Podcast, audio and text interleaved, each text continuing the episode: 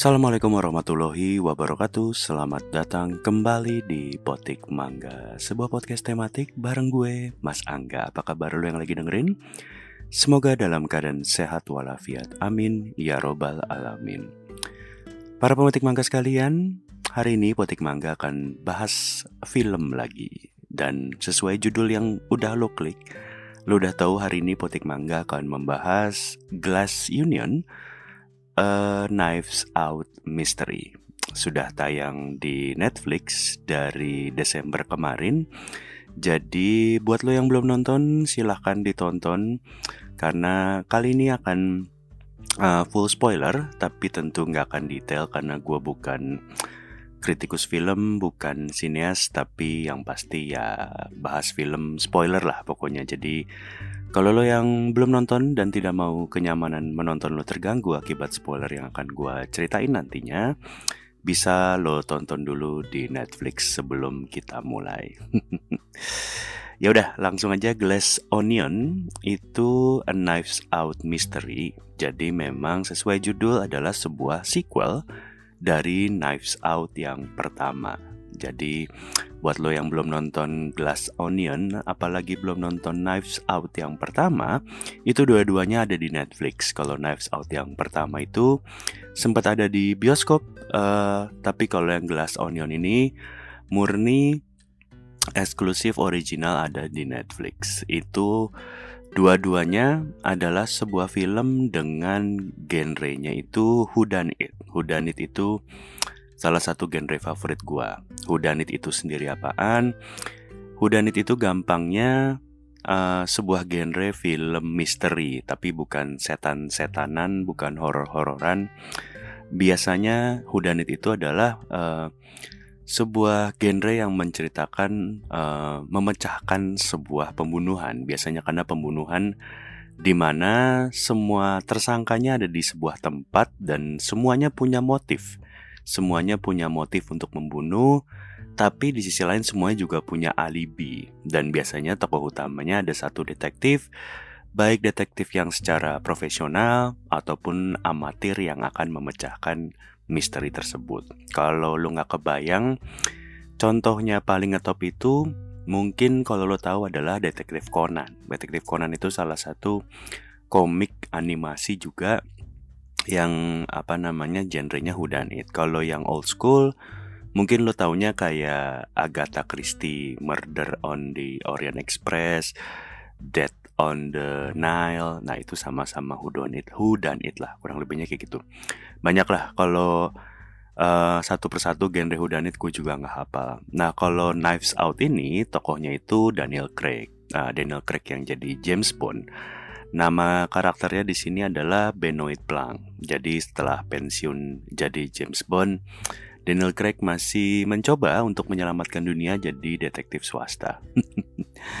Kalau lo yang belum nonton Knives Out yang pertama, Knives Out yang kedua ini ceritanya 100% lepas dari yang pertama, nggak nyambung sama sekali. Jadi kalau lo belum nonton yang pertama sih nggak apa-apa juga karena nggak akan bingung karena nggak ada nyambung-nyambungnya sama sekali. Karena kalau di Knives Out yang pertama itu Daniel Craig, Benoit Blanc itu dipanggil untuk membongkar misteri kematian um, apa ya orang kaya yang ributnya masalah keluarga, masalah warisan. Nah, kalau yang kedua ini tentu masih seputaran duit, tapi bukan keluarga dan bukan warisan. Jadi ceritanya ada orang kaya miliuner teknologi. Kalau di dunia nyata itu kayak Elon Musk lah. Uh, nama karakternya Miles Brown yang main itu Edward Norton. Edward Norton itu pernah main Incredible Hulk yang pertama yang Liv Tyler. Nah, si Miles Brown ini, si milioner teknologi ini, itu ngundang temen-temennya satu tongkrongannya dia buat ngumpul di villa dia. Naik kapal nyebrang pulau. Kayak kalau di Jakarta itu kayak ngajakin villa ke Pulau Seribu lah. Nyebrang pulau naik kapal lah kalau sok soalnya kalau nggak salah kayak gitu. Nah si Miles ini mengundang teman-teman itu yang ikutan ada Claire Claire itu ceritanya seorang pejabat gubernur gitu ya. Kalau nggak salah mau kampanye jadi anggota senat kalau gua nggak salah. Terus ada yang kedua itu Lionel. Lionel itu temennya dia tapi juga anak buahnya dia di kantornya. Semacam uh, orang kepercayaan dia untuk ngatur perusahaannya lah kurang lebihnya. Terus ada ber DJ ber DJ itu uh, supermodel atau penyanyi ya gue lupa artis lah selebriti sama satu lagi adalah Dave Bautista. Dave Bautista itu ceritanya jadi Duke. Dave Bautista itu di Guardian of Galaxy jadi Drax ya. Kalau lo yang nggak tahu uh, mantan pegulat WWE. Nah di sini dia ceritanya jadi seorang gamer, seorang streamer. Si Dave Bautista ini juga dalam perjalanan ini ngajakin pacarnya. Terus jadi totalnya itu ada satu, dua, tiga, empat, lima, enam, uh, tujuh sama si Andy Brand, temennya Miles yang ternyata dulu partner bisnisnya bareng-bareng bikin startup gitulah, co-founder lah kurang lebihnya. Sama entah gimana ada undangan yang ceritanya nyasar ke Benoit Blanc. Benoit Blanc itu tidak diundang sama si Miles karena konon si Miles cuma bikin lima undangan buat temennya doang lima orang, tapi si Benoit Blanc ini ternyata dapat undangan dan akhirnya ikutan pestanya si Miles. Si Miles yang sosokan bikin pesta misteri di mana ceritanya ala-ala di film di mana dia dibunuh bohong-bohongan terus tamunya disuruh mecahin misterinya. Dan seperti di film-film Hudanit sebelumnya, alhasil ada yang mati beneran. Dan tugasnya sang detektif inilah buat ngebongkar siapa pembunuh benerannya. Sampai di sini gua nggak mau spoiler siapa pembunuhnya, tapi gua mau membahas filmnya. Ini buat lo yang udah nonton Knives Out pertama dan udah nonton Knives Out yang kedua. Secara selera, lo akan lebih suka yang mana? Lo suka yang pertama atau yang kedua? Kalau menurut gua kalau bagus sih dua-duanya bagus banget gitu. Apalagi yang kedua ini kan memang Knives Out Glass Onion ini dibeli sama Netflix ya. Jadi Netflix itu ngebayarin IP-nya Knives Out ke yang bikin si penulis dan sutradaranya sekaligus ngasih budget buat dua sequel. Jadi setelah Knives Out pertama itu bagus, Netflix uh, ngubungin si penulis dan sutradaranya, dibayarin IP-nya sekaligus ngasih budget buat dua sequel. Jadi buat lo yang fans sequel, harusnya kalau duitnya nggak ditarik lagi sama Netflix, tidaknya akan ada satu sequel lagi untuk Knives Out. Tapi memang membuat sequel itu bukan hal yang gampang. Gua nggak ingat apakah ada sequel yang lebih bagus atau sebagus dari yang pertama gitu. Karena memang sequel ini adalah sebuah produk yang akan selalu dibandingkan dengan originalnya gitu, dengan film pertamanya gitu. Kayaknya nggak banyak sequel yang bisa lebih bagus dari film pertamanya. Karena seingat gue, Contoh film sequel yang lebih bagus dari film pertamanya, seingat gue salah satunya itu The Dark Knight, sambungannya Batman Begins, di mana Heath Ledger sebagai Joker luar biasa bagus di sana. Tapi memang kalau balik ke Knives Out 2 ini, gue ngerasa secara karakter kurang sekuat yang pertama. Karena di yang pertama itu, itu kan uh, premis atau konfliknya itu masalah warisan keluarga, di mana kalau konfliknya internal keluarga, tentu secara intensitasnya itu lebih kuat. Mungkin banyak yang relate para penonton gitu. Sementara kalau yang kedua itu, itu konfliknya hanya teman satu tongkrongan di bar doang. Bahkan mereka bukan teman satu sekolah, bukan teman satu kampus atau satu kampung gitu misalnya.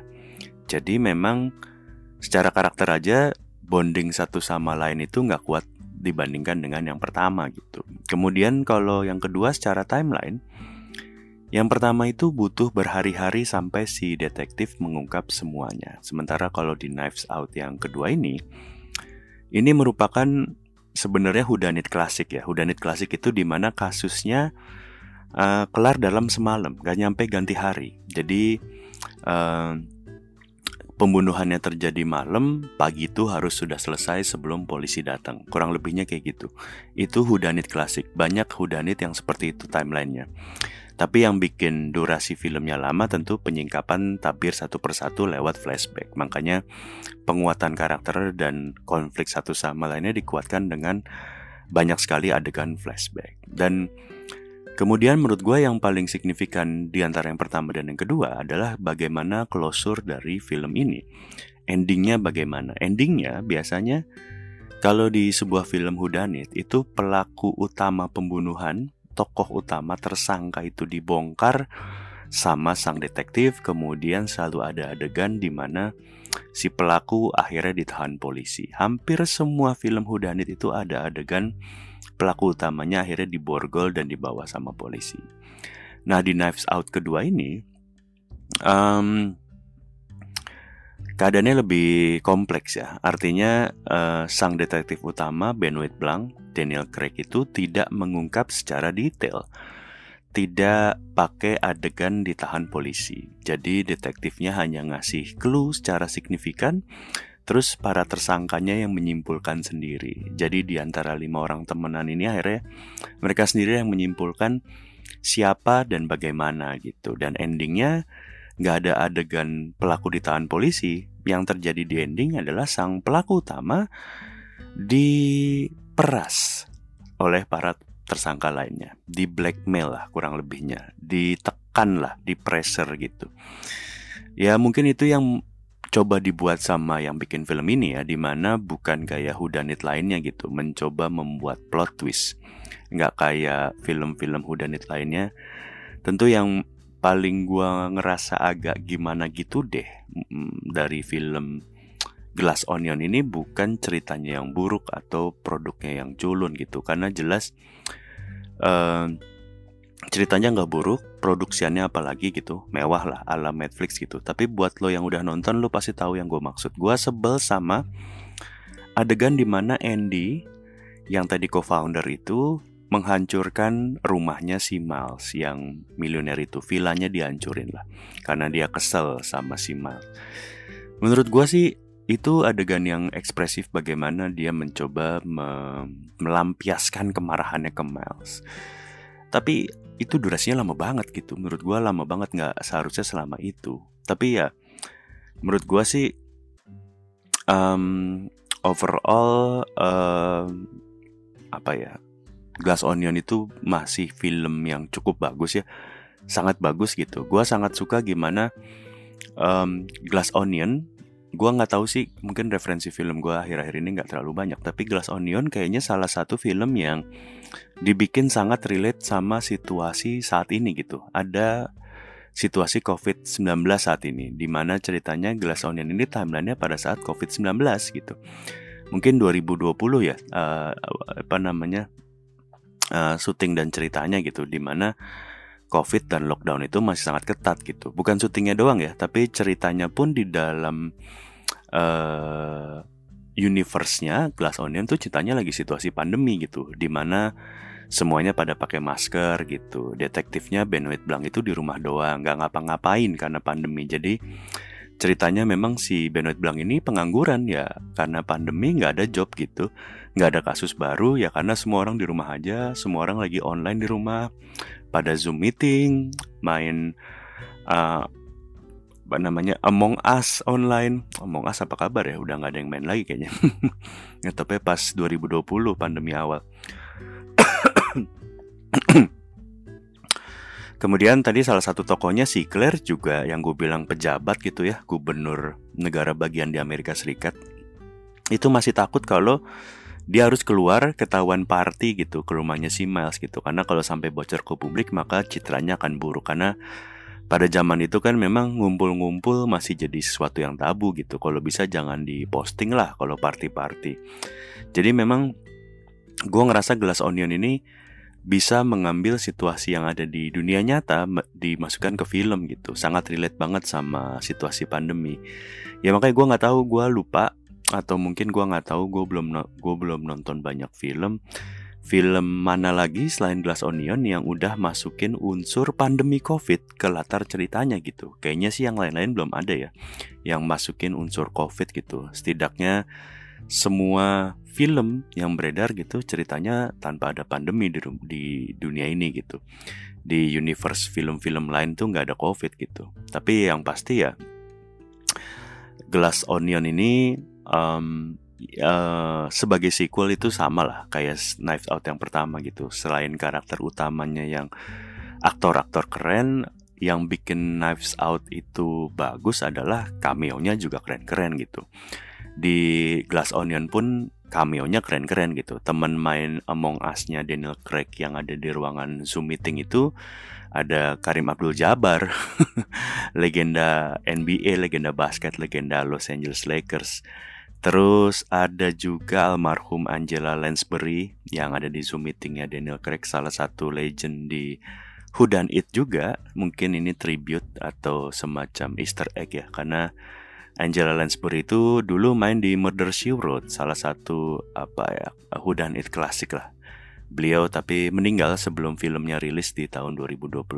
Terus ada um, siapa? Serena Williams. Serena Williams itu jadi instruktur gym online. Ada Hugh Grant. Hugh Grant itu jadi pasangannya Benoit Blanc atau teman sekamar atau teman serumah gitu. Gua curiganya sih mungkin mereka pasangan ya, cuman nggak dijelasin secara detail. Tapi ya mereka semua itu kayaknya nggak syuting bareng gitu, semua di syuting terpisah ya. Mungkin zaman syutingan masih ketat lockdownnya di Amerika, jadi semua ceritanya dari jauh. Dan ada cameo yang satu frame bareng sih. Um, Ethan Hawke, Ethan Hawke itu jadi tukang suntik vaksin ya sebelum masuk ke speedboat yang bawa mereka semua ke pulaunya Miles Brown. Ya gitulah, uh, Glass Onion. Walaupun di awal gue bilang akan spoiler gitu, tapi gue nggak akan ngasih tahu lo siapa pelakunya buat lo yang belum nonton dan masih mendengarkan. Karena gue tahu film Hudanet itu kalau pelaku utamanya udah dikasih tahu dari awal, maka pengalaman atau kenikmatan nonton filmnya nggak akan asik lagi. Pandangan lo terhadap film, pandangan lo terhadap tokoh, pandangan lo terhadap yang lainnya nggak akan sama lagi. Jadi Gua tidak akan memberitahu siapa pelaku utama, tersangka utamanya, siapa yang membunuh. Jadi buat lo yang belum nonton, masih bisa lo tonton di Netflix karena ini original Netflix nggak akan ke mana-mana nggak akan di take down sama Netflix dan nantinya buat lo yang udah nonton Glass Onion kecewa sama Glass Onion dan pengen ada sambungannya lagi harusnya Netflix masih akan ngasih satu sequel lagi belum tahu kapan mungkin paling cepat 2024 tahun depan kayaknya paling cepat gitu ya. Dan oh ya satu lagi yang gua cukup wow. gua baru tahu ini pengetahuan baru buat gua si bodoh ini baru tahu. Kan judul film ini Glass Onion ya, A Knives Out Mystery. Jadi memang bukan Knives Out 2, uh, bukan Glass Onion doang. Judul film ini lengkapnya Glass Onion A Knives Out Mystery. Jadi Glass Onion itu ceritanya di film ini adalah nama sebuah bar, nama bar tempat mereka kumpul. Jadi ya mereka ini geng Glass Onion lah kasarnya gitu. Nah barnya ini udah bubar. Terus si Miles Brown di villa itu membuat Glass Onion versi dia. Tapi yang gue baru tahu, Glass Onion itu ternyata diambil dari judul lagunya sebuah band terkenal bernama The Beatles. gue cukup shock karena gue gua pikir gue tahu banyak lagu The Beatles tapi gue nggak pernah tahu ada lagu The Beatles yang judulnya Glass Onion. Ternyata ilmu The Beatles gue nggak segitunya. Ternyata itu gue nggak pernah tahu ada lagu The Beatles yang judulnya The Glass Onion. Ternyata beneran ada di White Album lagu Glass Onion ini. Um, kalau lo yang belum pernah denger juga sama kayak gue bisa lo dengerin ada di mana-mana lah Spotify, YouTube, you name it. Glass Onion albumnya White Album jadi ya kalau lo nggak kebayang lagunya kayak gimana lagunya modelan lagu-lagu The Beatles yang begitu deh yang udah mulai psychedelic udah under substance kayaknya ya jadi eranya Sgt. Pepper's Lonely Heart Club Band dan Yellow Submarine gitu jadi ya eranya Beatles sudah berewokan dan gondrong gitu ya Ya begitulah, ternyata Glass Onion diambil dari lagunya The Beatles, sebuah pengetahuan yang saya baru tahu setelah menonton film ini. Ya, begitu aja kayaknya dari gua. Uh, terima kasih sudah mendengarkan episode kali ini yang membahas Glass Onion, A Knives Out Mystery. Agak panjang memang judulnya. Bukan Glass Onion doang, bukan Knives Out 2. Sedikit membingungkan tapi ya udahlah. Overall filmnya cukup bagus, overall masih standar Netflix, overall masih standar Knives Out, dan overall masih sangat menghibur. Terima kasih sudah mendengarkan. Sampai jumpa di episode lain dari Potik Mangga. Assalamualaikum warahmatullahi wabarakatuh.